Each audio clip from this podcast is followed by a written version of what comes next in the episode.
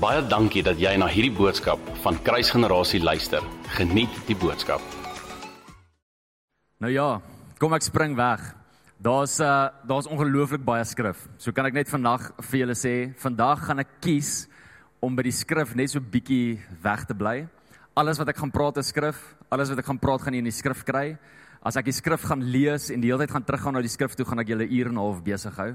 Dis hoe groot die topik is van Jesus. Ek gaan letterlik net die Engelse mense sê they, they're just going to skim over it. So ek gaan letterlik net oor oor die die basies gaan net van wie Jesus is. En uh gaan so nou en dan gaan ek Engels ingooi. My swaar wat hier is is is solid Engels. Hy's 'n solid soutie. Hy kom van Durban af. So net vir hom is dit lekker Engelse skrif ook en gaan ons 'n bietjie Engels ook ook wees want ek is ek is lief vir hom en ek eer hom ook. Ek is bly dat hy hier so is. En uh, hy gun my die geleentheid ook om Engels te praat want ek love die Engelse Bybel natuurlik soos wat julle al gehoor het. So ons begin in Lukas 1 vanaf vers 30. Ek dink julle ken hierdie skrif. Ek dink vandag word hierdie skrif 10:10:1 in 99% van kerke gelees. En dit is die aankondiging van die geboorte van 'n Messias, die aankondiging van 'n geboorte van 'n redder. Lukas 1 vers 30. Then the angel said to her, "Do not be afraid, Mary, for you have found favor with God. And behold, you will conceive in your womb and bring forth a son." and shall call his name Jesus. He will be great and will be called the Son of the Highest, and the Lord God will give him the throne of his father David, and he will reign over the house of Jacob forever, and of his kingdom there will be no end. Ek dink ons almal ken hierdie aankondiging. Jy weet hier kom die engel Gabriël. Ons leer dit al vandat ons klein is, die engel wat gekom het as 'n boodskapper en hierdie amazing boodskap gee vir hierdie maagd wat nog nooit intiem was met enige man nie en hier bring sy hierdie boodskap wat net verafgaande is, onmoontlik om te verstaan en hy bring vir haar hierdie amazing aankondiging. Luister Maria, jy is gekies om die koning van die konings, die God van die heelal te dra binne in jou moederskoot. Wat kan ek vandag vir jou sê? So groot soos wat hierdie aankondiging is, so kragtig soos wat hierdie aankondiging is, so mooi soos wat hierdie aankondiging is, was hierdie nie die eerste keer gewees wat hierdie aankondiging gemaak is nie. Jy sien vandag wanneer ons terugkyk na die skrif, dan sien ons dat hierdie aankondiging eintlik al 'n paar keer gemaak is. Ons sien in die in die brief van Haggai, die profeet Haggai gekom en hy het hierdie amazing verklaring gemaak. Hy het gesê God gaan kom en hy gaan die nasies skud. Kom ek sê gou vir jou in Engels. In Engels sê hy he's going to come and shake the nations and all the nations will come to the desire of all nations.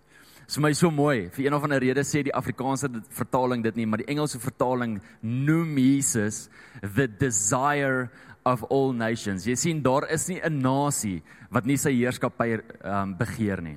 Daar's nie 'n nasie wat nie onder sy leierskap wil wees nie. Wie wil nie onder 'n leier wees wat geen bedrog in sy hart het nie? Ons almal wil onder iemand se leierskap wees wat wat rein is, wat pure is, wat wat geen bedrog het in sy hart nie, wat die hele tyd die beste vir ons wil hê, wat serve, wat 'n koning is, wat heers oor alles. Ons almal soek so 'n koning, nê? Voor dit sien ons vir Daniël. En Daniël maak hier die verklaring. Hy sê nie net kom die Messias nie, hy praat nie net van sy eerste koms nie, hy praat ook van sy tweede koms. En Daniël maak hier die groot verklaring dat wanneer daar 'n groot verdrukking is, kom daar 'n Messias, kom daar 'n redder om sy volk, sy nasie uit die groot verdrukking uit te kom roep. Daniël het hierdie groot verklaring Hierdie hierdie proclamation, hierdie announcement, hierdie aankondiging het Daniël gemaak. Is my so amazing as jy gaan kyk in Daniël 10, dan sal jy sien dat Daniël letterlik vir Jesus sien. En as jy as jy gaan kyk na daai hoofstuk, dan sien jy dat hy sien vir Jesus presies wat soos wat Johannes vir Jesus sien in Openbaring 1. Die vraag wat 'n mens vra, hoe is dit moontlik?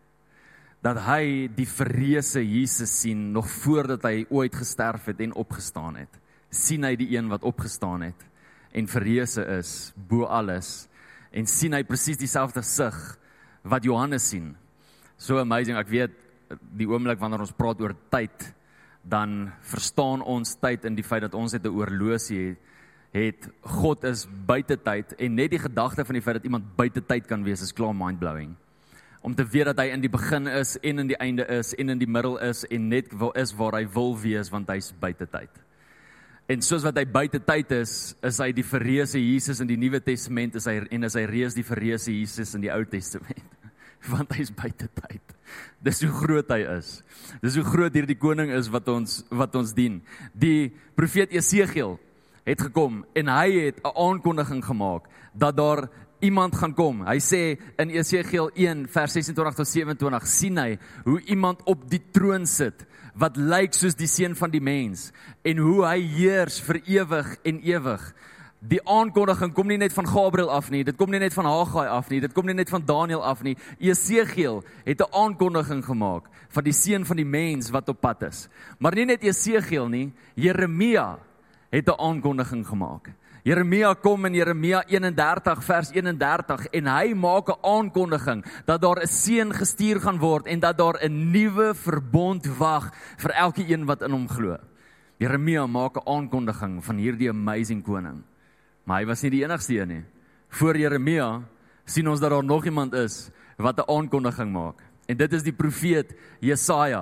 Nou as jy die boek van Jesaja gaan lees, daar's 66 boeke in die boek van Jesaja. Daar's 66 boeke in die boek van die Bybel. Die eerste 39 boeke praat van Israel in hulle in in hulle ballingskap, in hulle gevangenis. Die volgende 27 hoofstukke of bladsye hoofstukke in Jesaja praat van die verlossing en hoe God hulle uitgered het.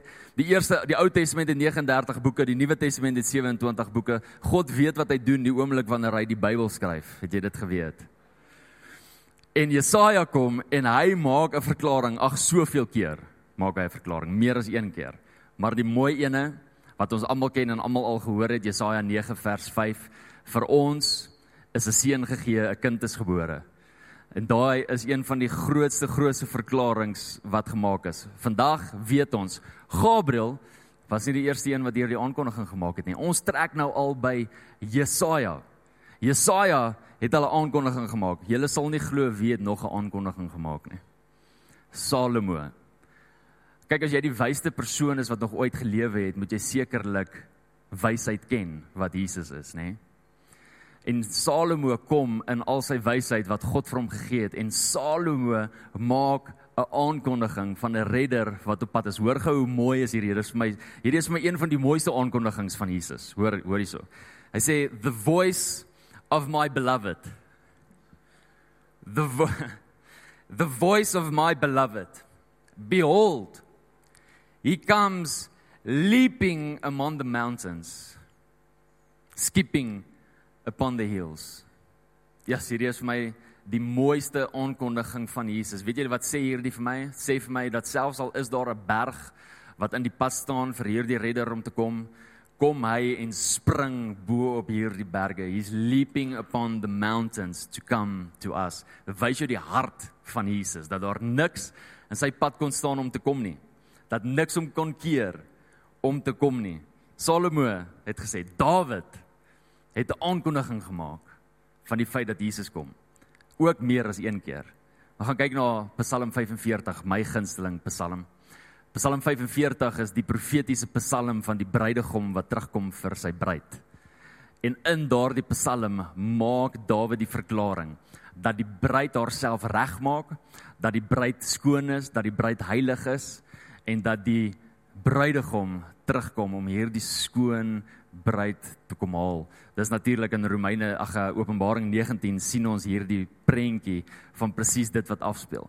Nie net Dawid nie, nie net het Dawid 'n aankondiging gemaak nie, maar het Moses 'n aankondiging gemaak.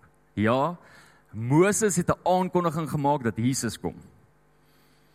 Inteendeel was sy aankondiging so groot geweest dat toe Petrus opstaan in Handelinge 2 en sy famous preek gee waar daar 3000 mense tot bekering gekom het, het Petrus aangehaal wat Moses gesê het oor wie Jesus is.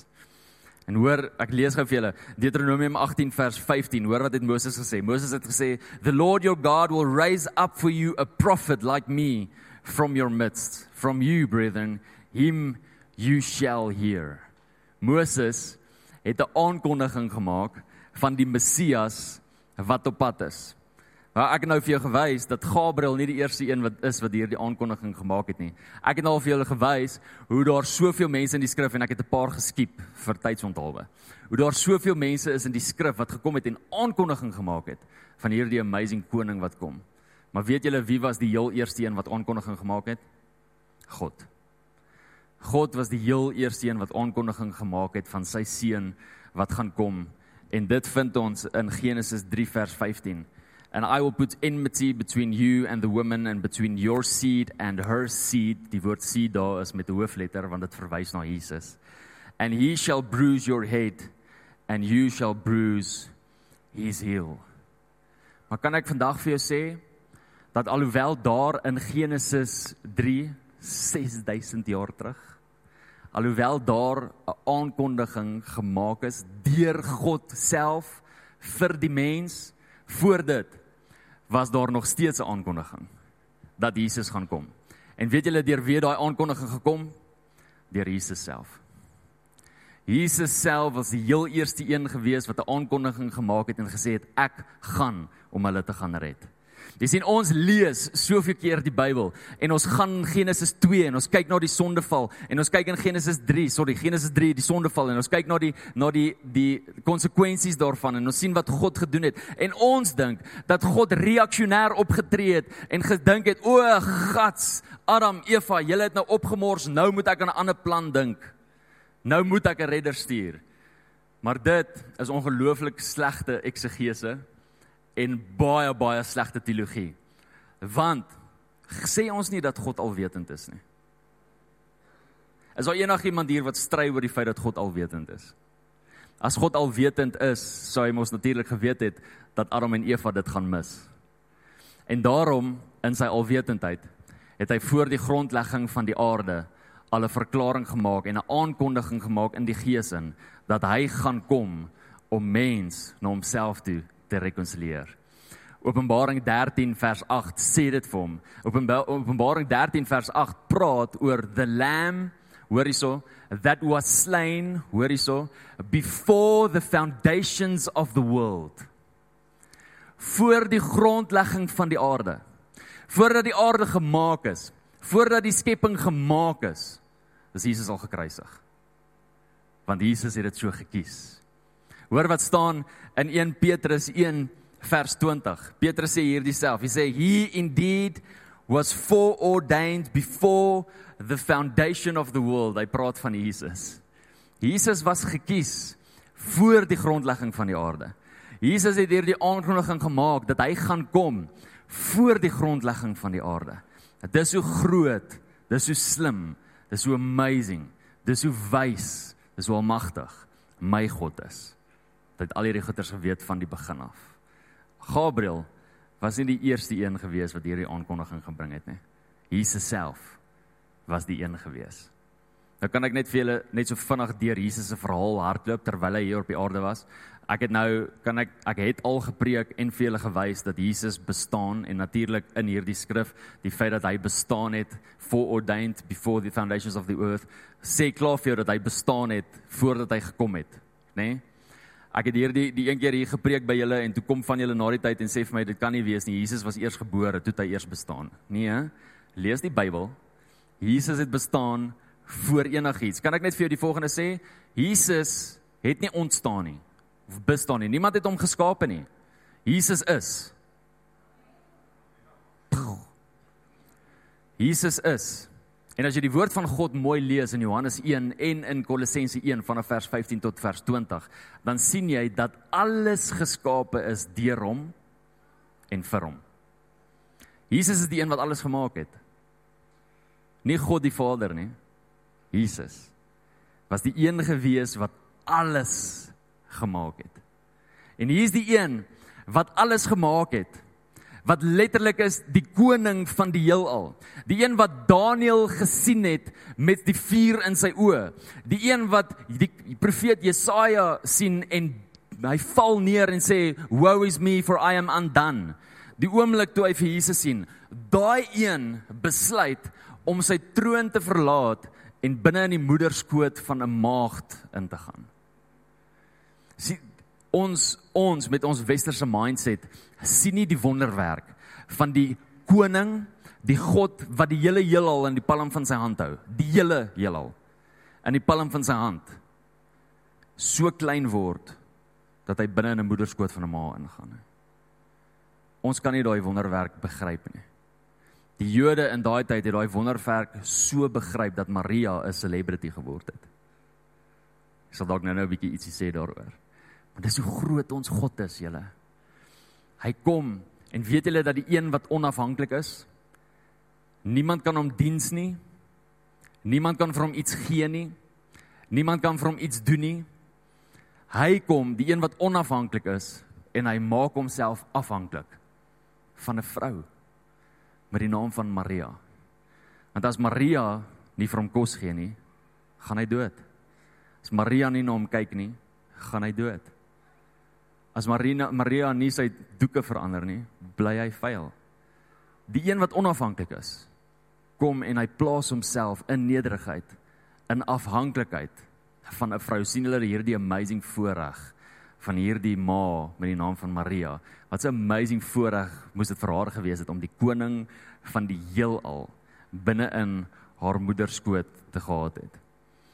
Die brood van die lewe word gebore in 'n klein dorpie met die naam van Bethlehem wat beteken huis van brood. Die huis van brood het geboorte gegee aan die brood van die lewe. En daar binne in 'n klein herberg in 'n krippie lê Jesus en elke liewe persoon wat daar instap, val op hulle knieë en aanbid hom. Ek het 'n klein babietjie en nog nie een persoon wat na daai babatjie toe gekom het het op hulle knieë geval en aanbid nie. Nog nie een nie. Wat se gesag dwing 'n babatjie af wat maak dat elke persoon wat in daai teenwoordigheid instap op hulle knieë val? Die koning van die konings, sy gesag.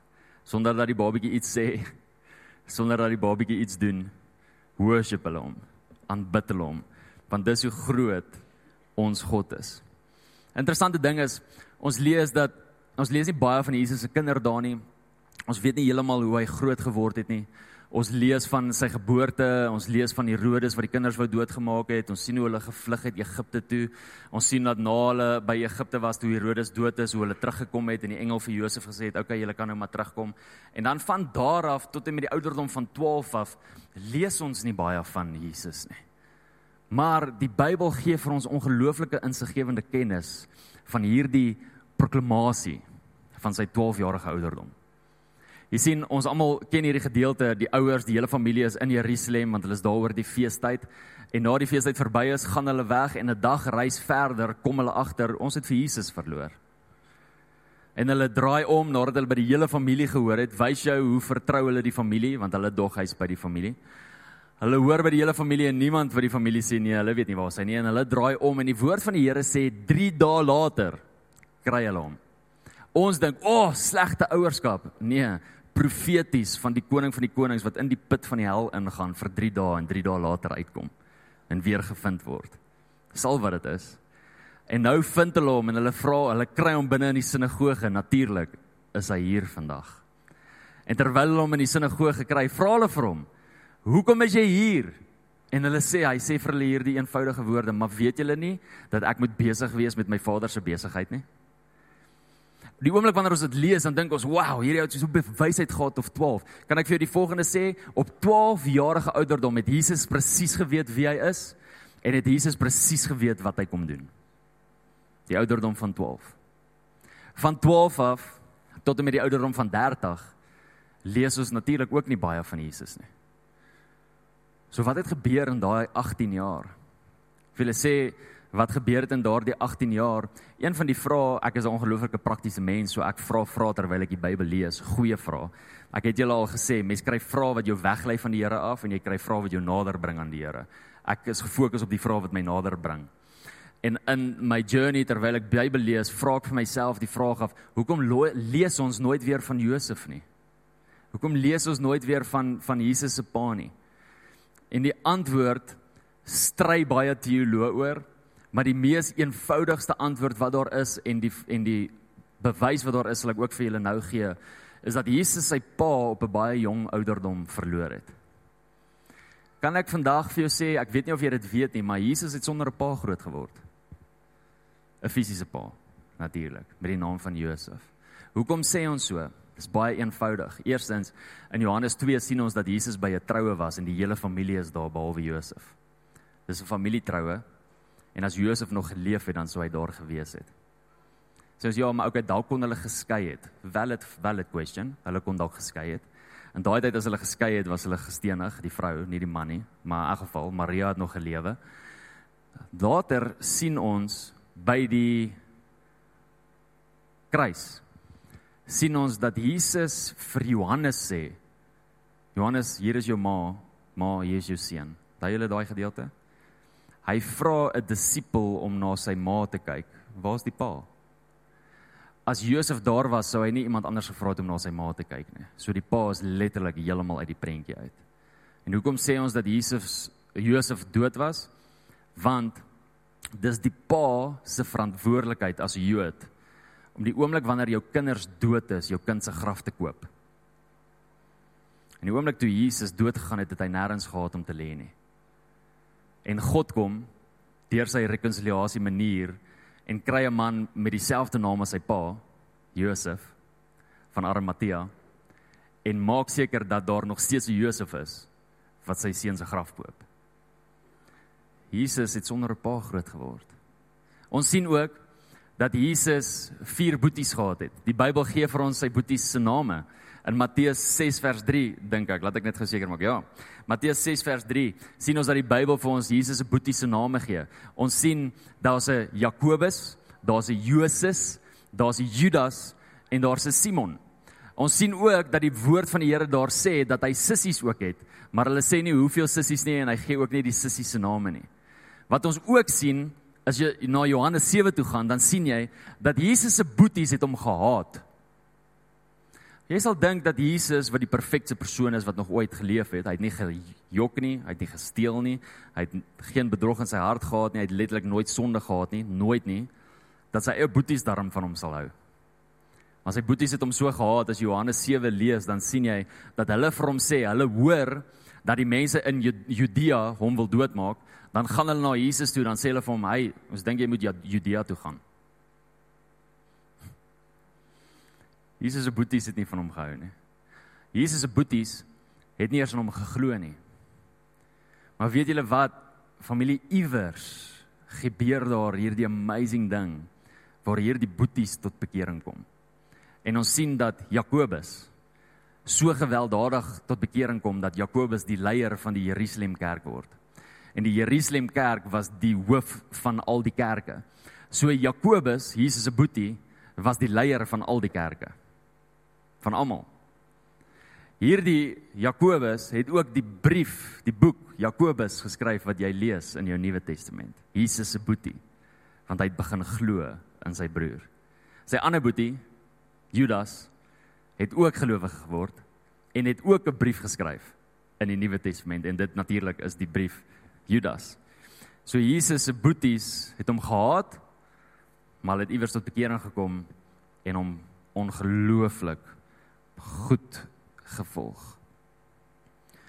Ons sien op die ouderdom van 30 hoe Jesus gesalf word deur die Heilige Gees. Ook kan ek net hierdie sê. Weet julle hoe moeilik moes dit gewees het vir die koning van die konings, die God van die heelal, om toe te laat dat hy sy pa sterf terwyl hy iets daaraan kan doen?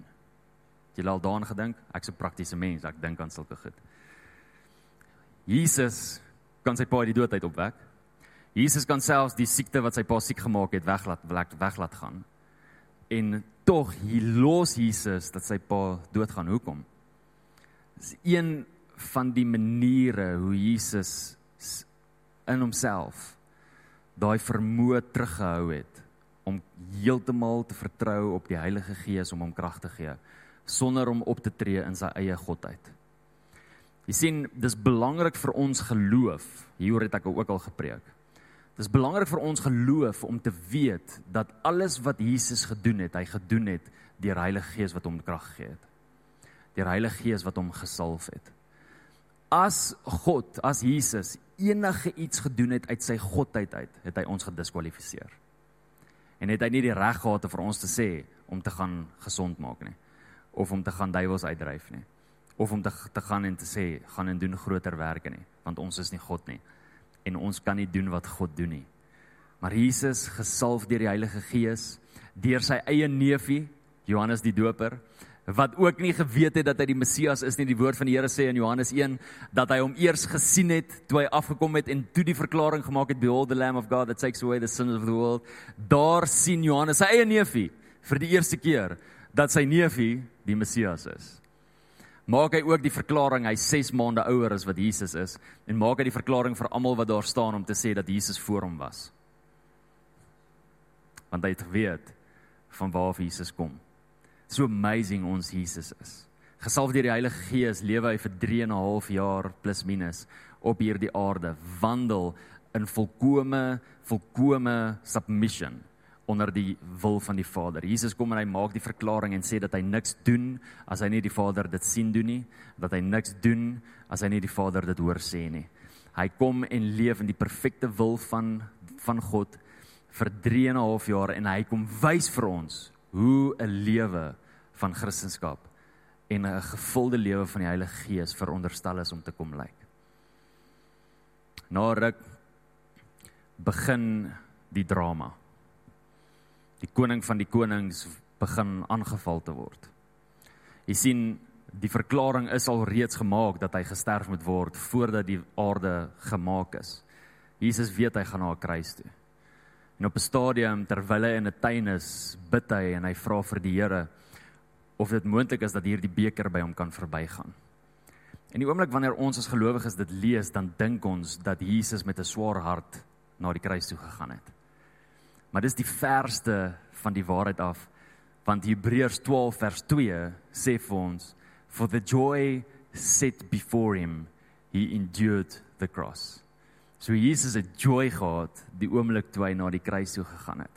Hy kom voor Pontius Pilatus, wie van julle weet dat in die Ou Testament daar 'n lam was wat moes kom en vlekkeloos moes gewees het en die hoëpriester moes hom ondersoek en as die hoëpriester hom ondersoek het en gesê het nee hy's reg dan kon hy geoffer geword het vir die sonde vir die volk vir daardie jaar. Jesus vlekkeloos in al sy weë kom voor Pontius Pilatus en Pontius Pilatus maak 'n verklaring want daar's nie 'n hoofpriester wat hom ondersoek nie. Maar die goewerneur van daardie plek kom en maak 'n verklaring ek ek vind geen fout in hom nie. En in 'n hoofpriesterlike posisie verklaar hy dat hy reg is en skoon is en vlekkeloos is om gekruisig te kan gaan word. Hy gaan en hy hang op die kruis en terwyl hy op die kruis hang, sê die woord vir ons dat dit vir 3 ure donker geword het. Dit het duister geword. En kan julle dink wat moes in die oë van die duisternis gebeur in daardie tyd? Weet julle wat in 1 Korintiërs 2 staan daar Paulus skryf, hy sê dat as die die bose magte, as die duiwel geweet het wat gaan gebeur as hulle vir Jesus kruisig, sou hom nooit gekruisig het nie. Hulle het nie geweet wat gaan gebeur nie. Hier's die redder, hier's die koning, hier's die koning van die heelal. Hy hang aan 'n kruis. Dis duister. Hy's besig om dood te gaan. Die demone, Lucifer en al sy trawante moet op 'n plek wees waar hulle so excited is. Maar die woord van die Here sê vir ons in Johannes 10 dat niemand Jesus se lewe vat nie, maar dat hy dit neerlê. Dat niemand vir Jesus doodgemaak het nie, maar dat hy homself neergelê het. Ek het al vir julle gesê Jesus is die opstanding en die lewe. Hoe maak jy die opstanding dood? Hoe maak jy die lewe dood behalwe as die opstanding en die lewe self sy lewe neerlê? Is onmoontlik. En hier kom die opstanding en die lewe. En hy lê sy lewe self neer en hy blaas sy asem uit vir 'n laaste keer. En hy's dood. En in daardie oomblik moet die duisternis juig en moet die duisternis bly wees en moet die duisternis partytjie hou totdat die opstanding en die lewe binne in die poorte van die doderyk instap en toe hy daar instap in 1 1 Petrus 3 staan daar toe kom hy en hy maak 'n aankondiging. En die oomblik toe hy 'n aankondiging maak dis die partytjie verby. Toe sien hulle o gats wat het ons nou gedoen? Toe sien hulle o jene ons het eintlik nou teen onsself gewerk. Toe sien hulle o ja die koning van die konings is nie oorwin nie hy's nie verslaan nie hy's hier in al sy glorie en in Openbaring 1 vers 18 staan daar dat hy die poorte die sleutels van die poorte van die doodryk gevat het en uitgegaan het en 3 dae daarna staan hy op deur die krag van die Heilige Gees, soos wat Romeine 8 vir ons sê. En hier is hier die koning wat die duiwel gedink het hy gewen het, ewe skielik onoorwonne en hy's die heel eerste man wat weer lewendig word. Hy's die laaste Adam wat opstaan. Deur die eerste Adam het daar sonde gekom en deur die laaste Adam het daar vir ons lewe gekom. Die koning van die konings heers en terwyl hy opgestaan het vir 40 dae, spandeer hy tyd saam met sy disippels. En die woord van die Here sê met meer as 500 mense. En in daardie tyd leer hy vir hulle oor die dinge van die koninkryk. En sien ons dat hy hulle leer van homself uit die skrif uit uit Moses uit die profete en uit die psalms uit leer hy hulle oor homself. En na 40 dae vaar hy op En kan julle dink die partytjie wat in die hemel plaasgevind het, toe die koning van die konings in die hemel instap, nadat almal gedink het dis verby met hom, stap hy by die hemel in en ewe skielik is daar 'n gejuig en 'n bassein en 'n geskree want die koning gaan vir ewig heers en vir ewig op die troon van Dawid sit. En terwyl hy daar is, kom die Vader. Hier is my prentjie, okay? Hierdie is wat ek sien in my eie prentjie. Hier kom die Vader Die woord van die Here sê dat die oomblik wanneer hy ingehuldig word as 'n hoëpriester, dat die olie oor die hoof gegooi moet word.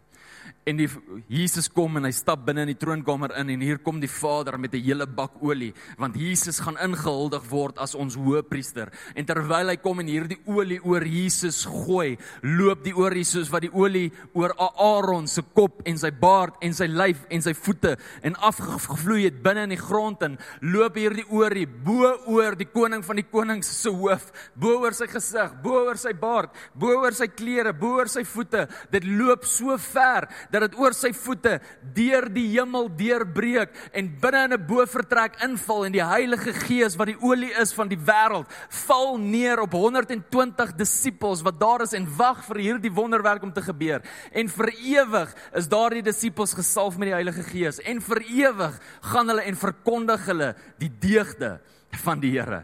Dis die koning wat ons vier vandag. Dis die koning wat ons aanbid vandag. Jesus, 'n regte man wat regtig gekom het, wat regtig gesterf het, wat regtig opgestaan het, wat regtig op die troon van die Vader sit, die regterkant van sy Vader sit en regtig weer familie, hoor vir my, regtig weer terugkom.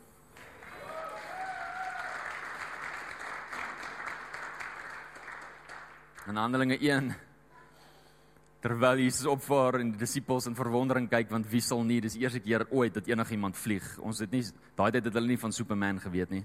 Jesus is hulle Superman. En hier vlieg Jesus met wolke op en hulle staan in verwondering en so erg dat die engel vir hulle sê oké okay, julle moet nou bo vertrek toe gaan. Julle kan nie nou net meer hier staan nie. En die engel maak 'n verklaring. Hy sê in dieselfde manier wat Jesus gegaan het gaan julle hom sien terugkom En Johannes skryf in Openbaring 1 en hy sê dat elke oog het jy oë dat elke oog hom gaan sien op die wolke terugkom. Mag dit in ons dag gebeur. Mag ons koning in ons dag terugkom. Dis die seun wie se geboorte ons vandag vier. Prys die Here vir 'n vader wat sy enige gebore geseun gegee het. En prys die Here vir 'n seun wat gewillig was om te kom. En met joy na daardie kruis toe te hardloop. Weet julle wat was sy joy? Julle was sy joy. Want hy het geweet in 2022 die 25ste Desember dat jy hier gaan sit. Jy is sy joy. Dis hoekom hy kruis toe gegaan het. Dankie dat jy na hierdie podcast geluister het. Indien jy die boodskap geniet het, deel hom asseblief met jou vriende.